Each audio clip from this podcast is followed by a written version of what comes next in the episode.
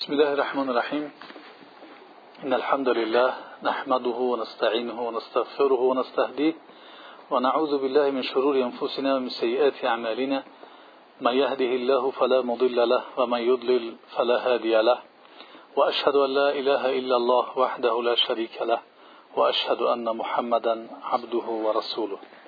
أما بعد السلام عليكم برادران أهل الإسلام ورحمة الله وبركاته. اولا شکرانه خدا را به جا میاریم که خداوند ما را موفق گرداند که با هم اطراف کلام الله سبحانه و تعالی جمع بشویم و این هم فضل و مرحمت الله سبحانه و تعالی نسبت به ماست.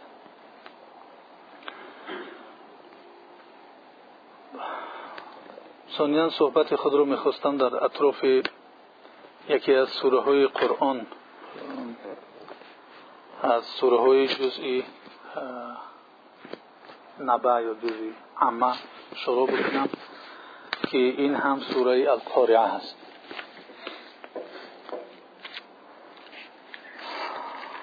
زندگی ما را گاه وقت چنان سرگرم می سازد که حتی از قیامت انسان فراموش می‌کند. انسان چنان سرگرم می شود که خیال می‌کند که در این دنیا ابدی هست. گاه انسان را زندگی چنان سرگرم می سازد که خیال می‌کند که این رویشی که حاضر من دارم این حالت و وضعی که من دارم همیشه باقی ماننده است. فراموش کننده که همه این قانون و قاعده ها و همه این نظم و نظام ها از بین رونده هست. حتی انسان خودش از بین می رود و شدیدترین قانون نازکترین قانونی که هزارها سال میلیون ها سال در این هستی عمل می‌کرد از بین می رود این را گاه انسان فراموش می‌کند. خب، و تنها الله سبحانه و تعالی باقی میماند. دیگر همه چیز رونده هست. و این فلسفه یا عقیده رفتن عقیده روز قیامت اگر در انسان نباشد اون انسان سازنده شده نمی‌تواند. انسان وقتی که فراموش می‌کند قیامت را از همون نتیجه انسانی که باید بتید یا که انسانی که باید بشود از همون انسانیت خود از همون نتیجه هایی که باید بتید از اون بیرون میبروید این روز قیامت است که انسان را به نظم میدرورد که باید در حدود انسانیت خود هم انسان باشد و هم سوزنده باشد. و هم هستی واقعیت خود را ماهیت خود را بداند که چیست و برای چی آمده است. در حقیقت گاه انسان چنان رفتار و چنان کردار می‌کند که گویا برای همین رفتارها و کردارها آفریده شده باشد ولی وقتی که نظر می‌کند به قرآن رجوع می‌کند به قرآن می‌بیند که نه. هدف از آفرینش اون دیگر چیز بود است. این انسان باید دیگر خیلی انسان می‌شد ولی حیات خود را گذراند. یک انسانی که اون انسان نباید به این صورت الله سبحانه و تعالی ببینید که در این قرآن 114 سوره نازل کرد. گاه بعضی بعضا انسان ها میگن که ما این گپ ها را شنیدیم. ولی ببینید که در قرآن چقدر تکرارها اومده است. این تکرارها برای ثابت کردن همون عقیده انسان به خاطر آوردن همون انسان می‌باشد. فذکر فان ذکر تنفع المؤمنین. چقدر قصه ها تکرار می شوند چقدر ببینید که یا ایها آیت است. یا ایها الذين امنوا امنوا کسانی که ایمان آوردن باز الله سبحانه و تعالی اونها رو دعوت می‌کند امر می‌کند به ایمان آوردن. یعنی این ایمان آوردن این برگشت به عقیده همیشه برای انسان لازم بوده است. در حالی که ما می‌بینیم که فتره یا که مرحله مکی اصلا برای بیشتر مسئله عقیدوی مقرر می‌شد و چیزهای احکام اونقدر در مرحله مکی نبود. ولی در مدینه احکام اومد روزه نماز حج زکات دیگر دیگر. خب اینها خب نماز که پیشتر اومده بود. مسئله های دیگر معاملات و امثال اینها همش در مدینه آمد. ولی با وجود آن که مسئله عقیده در مکه مستحکم شده بود باز در مرحله مدنی هم این چیزها تکرار میشه. یا ایها الذین آمنو آمینو و امثال اینها بسیار در اینی چی؟ گفته های الله سبحانه و تعالی آمده است. که همیشه انسان نیاز دارد به تجدید ایمانش. همیشه انسان احتیاج دارد به مستحکم کردن عقیده و اراده خود.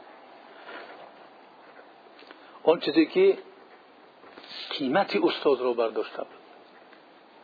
که هم دوست و هم دشمن قیمت اون را میدونیست اراده قوی در اساس عقیده مستحکم داشتن و کسی که قیمت خود را داده است در اساس آن است که عقیده سست اراده سست ممکن است که بعضی کتاب ها را بیشتر خوانده باشد. ولی اون سطح قیمت را ارزش را نگرفته. الله سبحانه و تعالی میفرماید اعوذ بالله من الشیطان الرجیم. القارعه. ما القارعه؟ وما أدراك ما القارعة؟ يوم يكون الناس كالفراش المبثوث وتكون الجبال كالعهن المنفوش. فأما من ثقلت موازينه فهو في عيشة راضية وأما من خفت موازينه فأمه هاوية وما أدراك ما هي؟ نار حامیه صدق الله العظیم این سورة را همه ما میدونیم.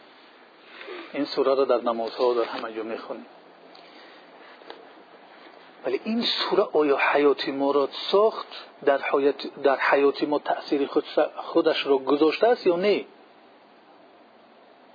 این سوره مسئله عقیدن را صحبت می‌کند. مسئله قیامت.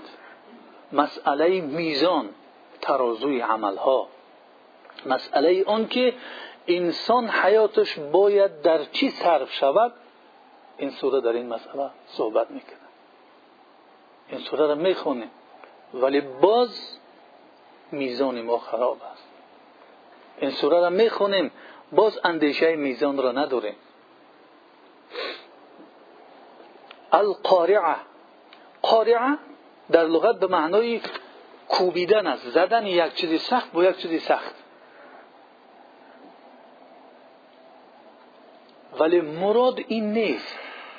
مراد این کوبیدن یک چیزی سخت با یک چیزی سخت نیست. یکی یک بار اومد الله سبحانه و تعالی گفت القارعه یعنی کوبنده یک چیز کوبنده. مل قارعه وقتی الله سبحانه و تعالی خودش با سوال میتید که چیست قارعه؟ اینجا معلوم می‌شد که معنای لغوی اینجا اراده نیست. ما سلات معنای دعا هست. ولی اون دعا اراده نیست که من نماز خوندم دعا کردم این نماز خوندم. یعنی اون نماز از به تکبیر قطعی سر می شود و تسلیم قطعی تمام می شود با اون ذکرها و اون عملهایی که دارد حج قصد است ولی معنای قصد اراده نیست. قصد خانه کعبه هست. معنای اصطلاحی خود را دارد معنای شرعی خود را دارد اون حج حج چی است؟ اراده شدگی است. اینجا هم قارعه معنای لغوی اراده نیست که حتی الله سبحانه و تعالی میگه مل قارعه قارعه چیست؟ این کوبنده چیست؟ باز از این هم دهشتناکتر حول آن رو بیشتر کننده الله سبحانه و تعالی در آیه سوم میگه که و ما ادراک مل قارعه تو رو چی دانانی که قارعه چیست؟ وقتی که الله سبحانه و تعالی سوال میتید که و ما ادراک؟ یعنی جز الله سبحانه و تعالی کسی علم ندارد که تو را درایت بتوید بفهماند که این چیست؟ ماهیت این چیز را. معنای آن چیز را جز الله سبحانه و تعالی کسی نمی‌دونه. اگر گفت و ما یودری که او را اصلا جز الله سبحانه و تعالی کسی نمی‌دوند و بیانش هم نیست. و ما تدری ولا تدری نفس به ای ارض تموت. ولی اگر با مزارع که اومد و ما یدریک یعنی اون را دیگه نمی‌دوند در کجا میمیرد انسان کی میمیرد این را انسان نمی‌دوند الله سبحانه و تعالی علم این را پنهان داشت و نمیگشت. اون علم حاصل نمی‌کنه. و و ما یدریک اومد اون علم حاصل کرده نمی‌تونه. الله سبحانه و تعالی تنها خودش می‌دونه. و ما ادراک را بیان می‌کنه تنها الله سبحانه و تعالی. و ما ادراک ما القارعه. تو را چی دانان که این قارعه چیست؟ این چیزی کوبنده چیست؟ سوره های مکی اینها همش کوبنده هستند انسان را در زمیرش میکوبند در قلبش میکوبند تو که بیدار شود. این انسانی که خواب است انسانی که اون را غفلت گرفته است اینا بیدارش می‌کنن سوره های مکی. اینها مثل همون صاروخ هستند مثل موشک هستند که در قلب انسان می‌زنند مثل تاک انسان می‌زند که بخیزد القارعه ما القارعه؟ وما ادراک ما القارعه؟ این نام های قیامت هستند مثل الحاقه الصاخه الطامه. هر یکی اینها نام های روز قیامت هستند و هر یکی اینها معنای مدلول خود را دارند و یکی از مشهدهای قیامت بیان کننده هستند الصاخه این یک صدای بلند است در اون روز قیامت که این یک مشهد چه بیان می‌کند؟ مخصوصا کسانی که حق را نشنیدند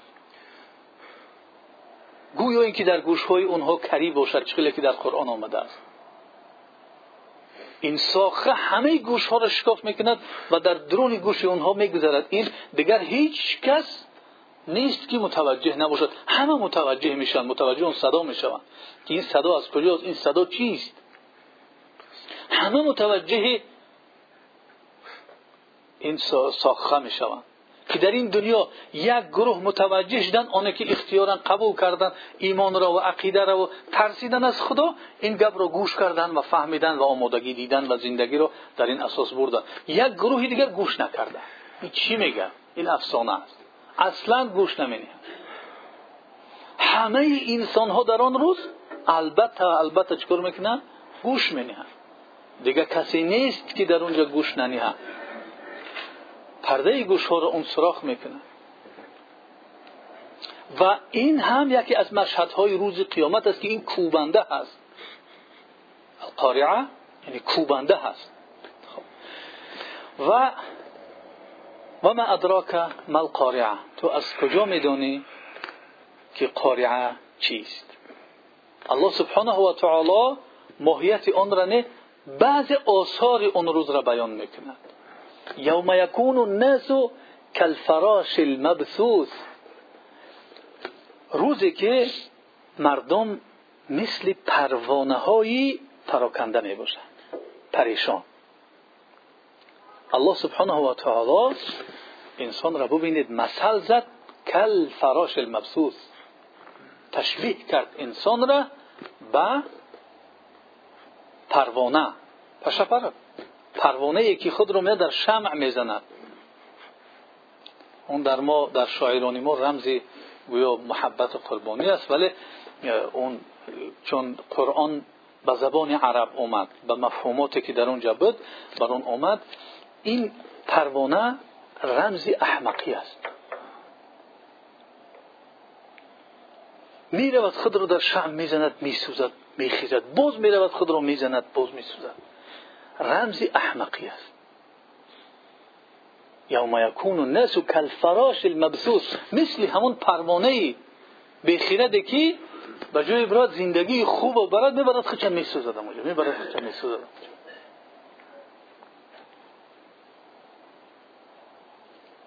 و این انسان ها دیگر اون نظمی که داشتن اون نظم از چی می‌کنن؟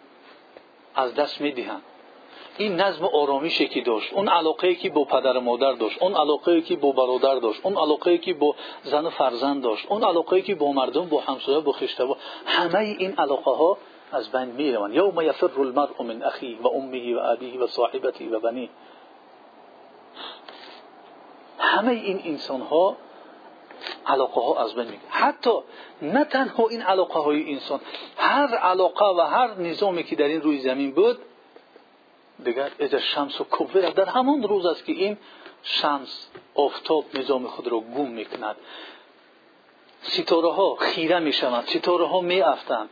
کوه ها که وصف این کوه ها میآید که از ریشه بر می‌کنند بحرها تفجیر می‌شود انفجار می‌شود. دیگر این نظامی که از آسمان پاره پاره می‌شود. از سماء شقت همه این نظامی که میلیون ها سال بر یک صورت می اومد این روز قارعه اینا همه این نظام بر هم می‌خورد. اینی که ما تکیه کردیم که ها بسیار یک زندگی خوب بسیار آرامانه است. موافقی عقیده ما انسان نمی‌توند بگد که من پگه فلان کار می‌کنم مگر اینکه بگد الله زیرا ما نمی‌دونیم که پگاه هستیم یا نه. هیچ کس نمی‌توند این را چکار بکند؟ معین بکند که ما فردا هستیم یا نه. مثلا میگه من فردا پسرم رو به نزد طبیب می‌برم. ممکن است تو فردا فرزند از دنیا بگذارد ممکن است طبیب بگذارد از بین. ممکن است طبیب میگذرد. ممکن است یک حادثه دیگر رخ می‌دهد. مانعه های زیاد هستند. انسان درایتش در مسئله درایت اگر چی بکنیم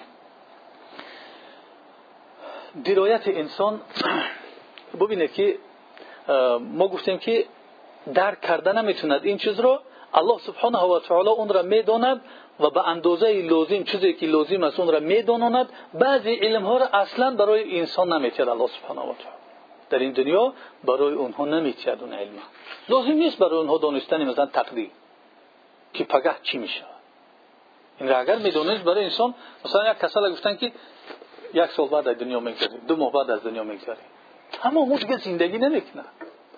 او در همون غمی مردن است دیگه. اگر نمیگفتنش آرام زندگی می‌کرد. تو روزی مردن شد ولی وقتی میگه که یک این غلط است. الله سبحانه و تعالی چخیلی که در اون حدیث در پیامبر صلی الله علیه و میفرماید که ابو هریره روایتش می‌کند گفته است که اعددت لعبادی الصالحین ما لا عین رأت ولا اذن سمعت ولا خطر على قلب بشر. یعنی برای بندگان صالح هم چیزهایی را آماده کردم که چشم اونها را ندیده است. و گوش اونها را نشنویده است و به خاطر و عقل کسی هم نگذشته است. معلومات هایی را که ما به چشم حاصل می‌کنیم از این معلومات های دیدگی ما آن چیزهای جنت بالاتر هستند. و معلومات هایی که ما به چشم حاصل می‌کنیم این کمترین درجه حاصل کردن معلومات ما هست. از این بیشتر معلومات سمعی گوشی هست که ما رو میشنویم. مثلا یک چیز رو من ندیدم ولی اگه داملا دیدستش من دیدگی این رو میشنوم. معلومات من از دیدگیم شنیدگیم بیشتر میشه مثلا من امریکا رو ندیدم. ولی وقتی که در درباره امریکا برای من معلومات میتید یعنی من معلوماتی شنیده هم بیشتر از از دیدگی هم و از این هم بالاتر عقل انسان یا خیال انسان چیزهایی را در نظرش میپرورد که اون را ندید است و نه کسی گفت است. نه دیدگی های دیگر کسی چکو کرده است؟ گرفت از معلومات. بلکه این چیز در خیالش میگذرد که شاید یک حیات شاید یک چیزی باشد که اون از دیدگی ها بالاتر است از اون شنویدگی ها بالاتر است. یعنی معلومات خیالی باز بالاتر است از این دیدگی ها و شنیدگی ها و اون چیزهایی که در جنت است از این دیدگی و از این شنیدگی و از اونی که در خاطر انسان میگذرد از اون بالاتر یعنی علمی اونها رو برای ما نداد. در جنت همون سیب در جنت همون انگور در جنت همون چی هست. ولی فقط نامش هست. اون مزه و اون طعم اون ماهیت و خصوصیت اونها فرق می‌کند از این چیزی دنیا. اون را وصف کرده نمی‌توانیم حتی مثلا میزان میآید. یا عذاب قبر است. بعضا وقت انسان می‌کشه یک انسان که ممکن بدین بود. ولی می‌بینن که در قبر ممکن صورت شکلش ممکن تغییر افتگی نیست. و میگن ببینید که عذابش نداد یک یک انسان مسلمان یک انسان خوب و چیره در یک جای قدرن گور می‌شود که وقتی که میکشوند یگان آسیب دیدگی است جسدی او. قدرن یگان حالت ضرورتی وقتی که شده می‌شد بعد گمان می‌کنن که این عذاب داده شد. نه ما عذابی قبره به این دیدنی صورت ظاهری نمی‌تونیم بها بتیم اون برای ما معلوم نیست که اون چگونه عذاب است. می‌دونیم که عذاب هست می‌دونیم که در اون قبر نعیم هست ولی اون چیزی که به ظاهری چشم می‌بینیم اون نیست. پس این انسان ها اون نظامی که داشتن همه بر هم می‌خورن. دیگر مثل جراد منتشر مثل در یک آیت دیگر جراد منتشر مثل مثل شما میزن الله سبحانه و تعالی. مثل ملخهایی که در همون جمعی و در ازدحام هم دیگر بالای هم زیر کرده زیر کرده میگذرن هم دیگر. آن همون خیلی میشه. روز و این فراش مبسوط. یعنی اینها مثل همون پروانه هایی که سمت خود را نمی‌دونن که کجا بروند. یک طرف این سو می‌زنه یک طرف اون سو می‌زنه. خیلی که نمی‌دوند که منفعتش در کجا می‌رود خود را در شم می‌زند و میسوزد و هلاک می‌شود. این گونه انسان در اون روز همین خیل در استراب است.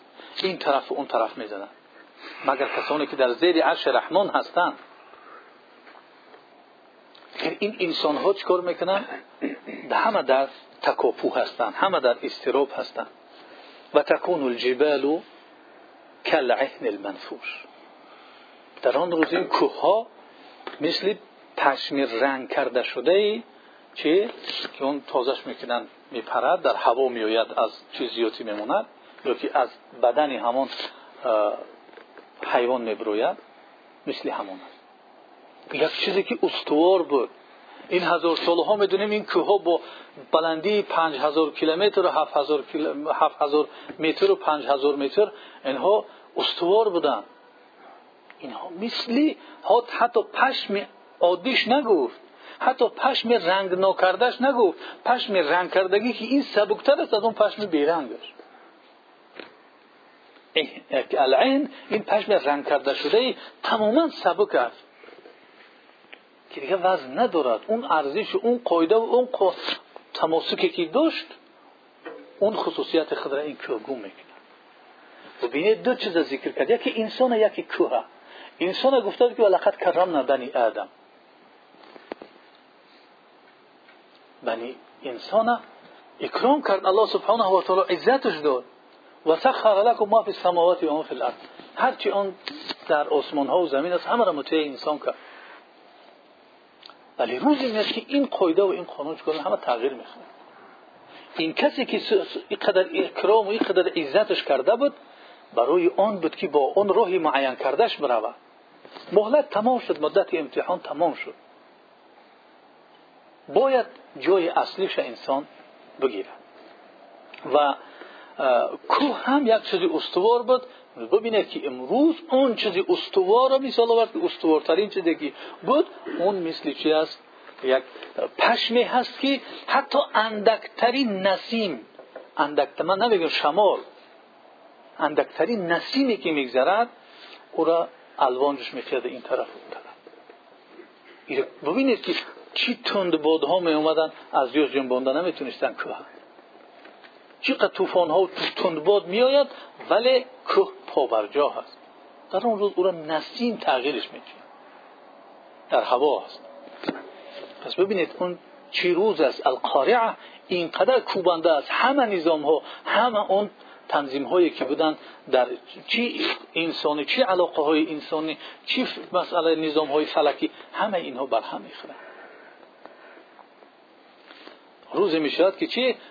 اون زنی حامله هنوز هم میپرتوید کودک موی سرش سفید می‌شود.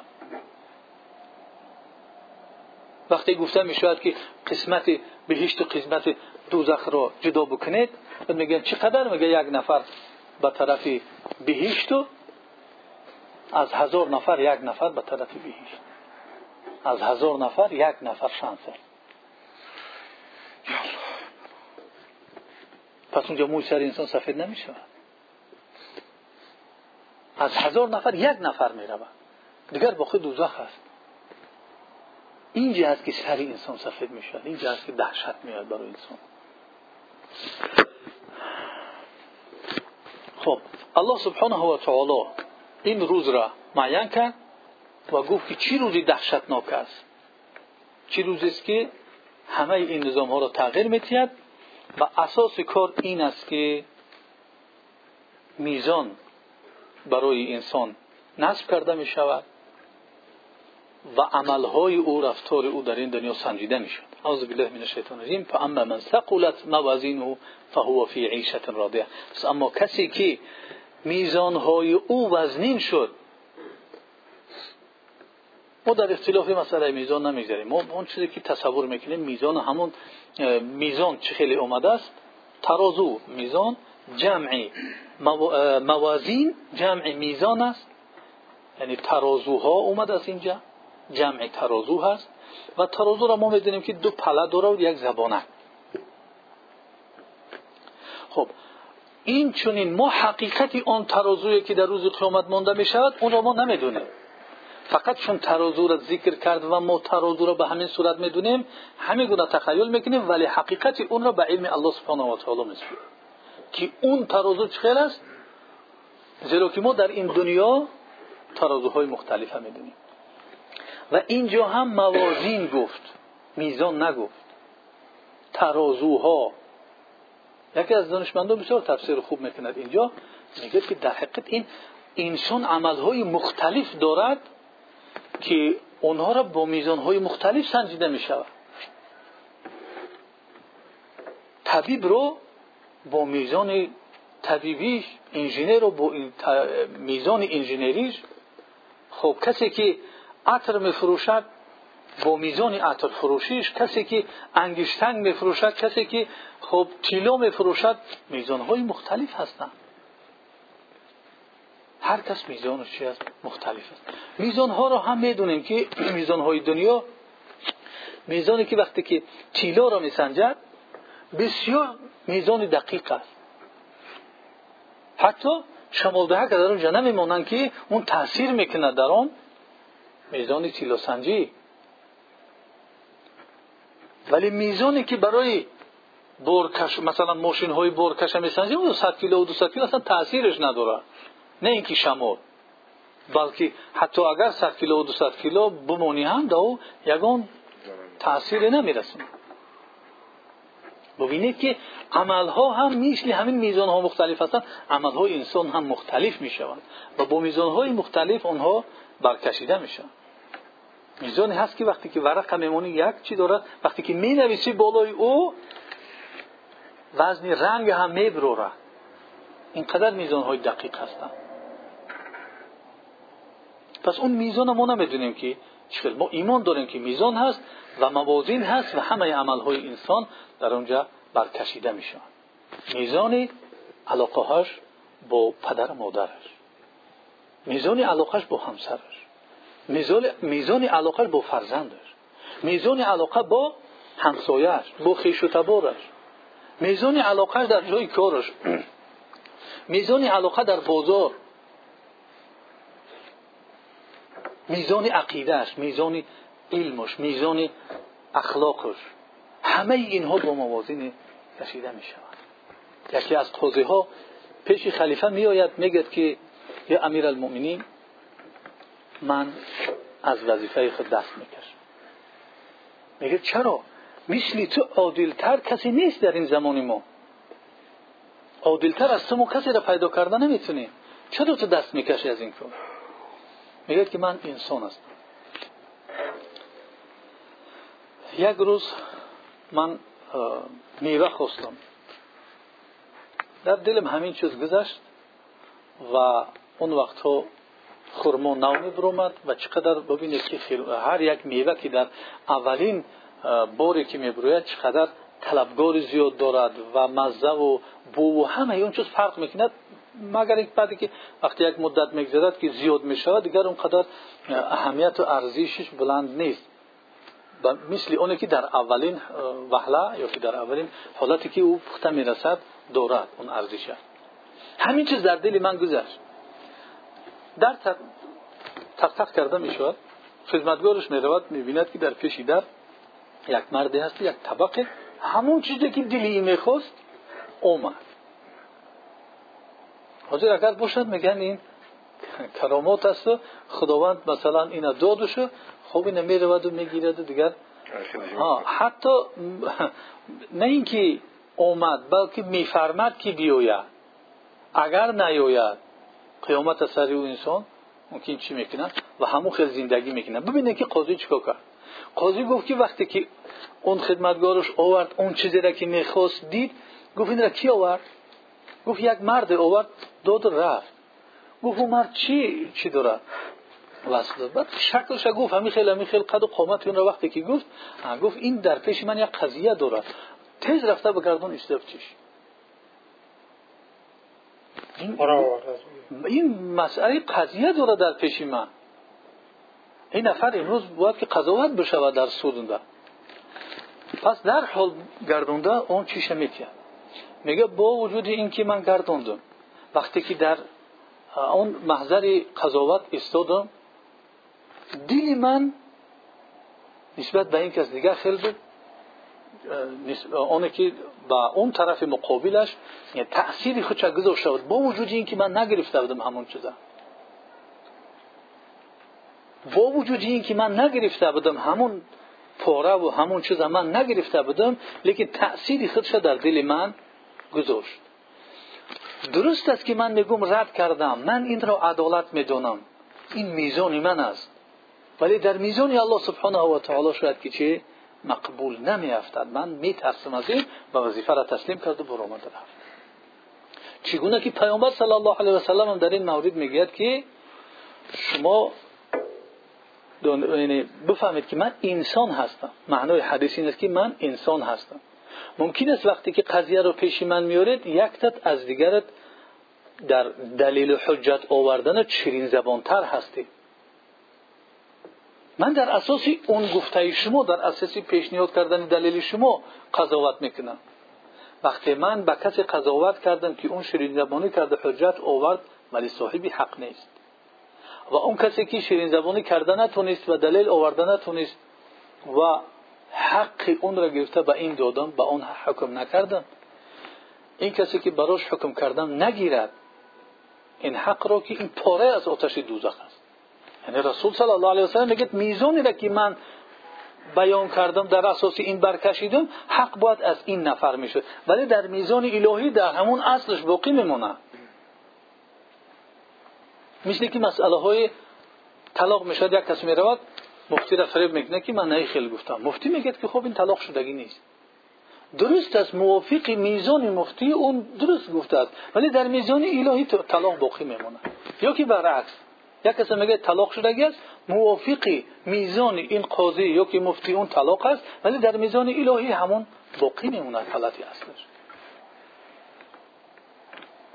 پس میزان اساسی فاما من ثقلت موازینه پس اما کسانی که یا کسی که ترازوهای اون وزنی شد فهو فی عیشت راضیه اون دیگه در زندگی راضی است. زندگی راضی رضایتمندانه زندگی رضایتمندانه کی می شود وقتی که اون نعمت ها ابدی باشن. این نعمت های دنیا ما ابدی نیستن. برای همین دایی ما در اون زندگی رضایتمندانه نیستیم.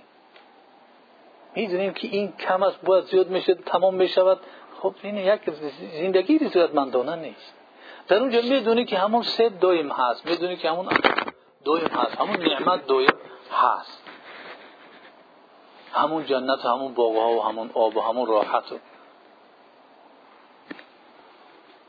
حتی در یکی از وصفهای چیز جنت رو یکی از دانشمندان ذکر می‌کنه. بگه در یک خانه هست که همین خود صورت های منظره ها هستن. انسان با همسرش میاد کدام منظره معقول شد در همون صورت وارد می‌شود یک چیزی هست که ما تصور کردش نمی‌تونیم که در این دنیا رو ما تطبیق کردش نمی‌تونیم. ما لا عین رأت ولا اذن سمعت ولا خطر على قلب بشر. بعد اون روزی نمی‌شود. وقتی که در اینجا معامله درست کرد با پدر و مادرش. وقتی معامله درست کرد با همسرش. وقتی معامله درست کرد با فرزندش. با همسایش با خیش و تبارش. با کارمندش. و همسال اینها در بازار در کارخانه در همه جا. وقتی که با میزانی درست کار کرد از اون کار کردگیش راضی می شود زندگی رضایت ما در برابر اون نعمت را خداوند و اما من خفت موازینه. اما کسی که سبک شد ترازوهای او فامه هاویه. کسی که این علاقه های این میزان ها را همه را سبک کرد. ببینید الله سبحانه و تعالی چگونه اینجا ذکر می‌کرد؟ فاما من ثقلت موازینه. و اینجا میگه و اما من خفت موازینه. وزنین شد حسنات. سبک شد حسنات. درباره سیاد گپ نیست. تصور کرده شده؟ فقط درباره پله حسنات از گپ که این وزنی شد یا سبک شد. گپ درباره سیئات نیست. زیرا اصل انسان برای حسنات است. بالعصر ان الانسان لفی خسر الا الذين امنوا وعملوا الصالحات. برای عمل صالح اصلا انسان آفریده شده است برای عمل بد نه عمل بد ذکر نکرد انسان بود هدفش فکرش اندیشش فقط عمل صالح باشه. میزان صالحات وزن کردن باشه. فاما من ثقلت موازینه و اما من خفت موازینه. سبکی وزنی فقط حسنات ذکر کرد. این مهم است. این چیز است باید که انسان اندیشه بکنه. پس ببینید که اسلام ما چگونه توجیهات برای ما دارد؟ که انسان مسلمان ضرر رسان نیست. انسان مسلمان همیشه نیکوکار است. یک سوره قاریعه ببینید ما رو چگونه انسان می‌کنه این یکی از سوره های 114 سوره قرآن است. و یک سوره خورده است که عبارت از 11 آیت است. دیگر انسان در فکر می‌شود که من اون میزان ها را چه می‌کنم وقتی که اون قاضی با یک میل قلبش ترسی که میزانش خراب می‌شد میزانی که در نزد الله سبحانه و تعالی وظیفهش ترک کرد. امام ابو حنیفه رحمه الله وظیفه را قبول نکرد. همش برای همون موازین است.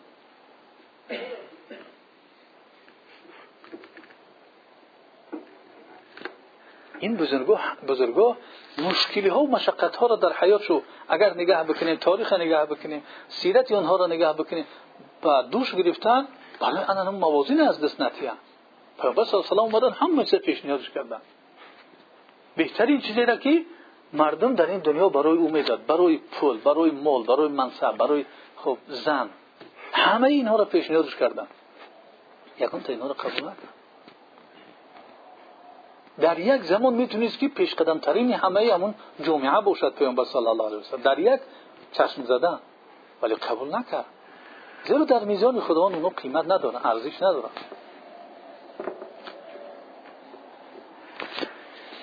پس این کسانی که سبک کردن این معنی ببینید سبک کرد موازین موازین حسناش. پله ترازوی حسناش وقتی که سبک شد نگفت که ندارد دارد ولی سبک است.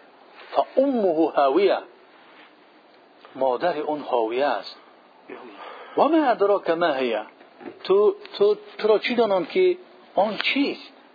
اون هاویه چیست؟ پس ببینید که اینجا هاویه را ذکر کرد و با سوال اون دهشت اون دهشتناک بودن اون را هم بیان کرد که یعنی چی؟ تو از کجا می‌دونی که اون هاویه چیست؟ و در برابر هاویه ام رو ذکر کرد. ام مادر است. مادر برای فرزند بهترین پناهگاه است. بهترین جایی که کودک میآید پناه می‌برد در آغوش میدروید قرارگاه و پوششگاهی. کودک چی است؟ آغوش مادر است. این کسی که موازینش سبک شد بهترین جایی که پیدا می‌کند بهترین قرارگاهی که پیدا می‌کند هاویه است. مثل که انسان به سوی مادرش میدود و بهترین قرارگاه در این دنیا پیدا می‌کند حتی از پدرم دامن مادر می‌رود. اکنون این انسان بخیرد قرارگاهی را برای خود اختیار کرد جایی را برای خود پیدا کرد که اون چی است؟ هاویه است. هاویه اما ادراک ما هیه. تو را چی دانند که اون هاویه چیست؟ نارون حمیه. آتش بسیار سوزان است. پایانترین طبقه دوزخ است. در یکی از حدیث پیامبر صلی الله علیه و میگه که حاضر اومد یک سنگ در قعر دوزخ زد. هفتاد تیر ماه پیش این افتیده بود. هفتاد تیر ماه پیش افتیده بود اکنون گفت در قعر جهنم رسید. ببینید اینقدر این حاویه جای دهشتناک است. حتی اونقدر آتش سوزان دارد که دیگر طبقه های دوزخ پناه می‌برند از این. طبقه دوزخ از خداوند پناه می‌برند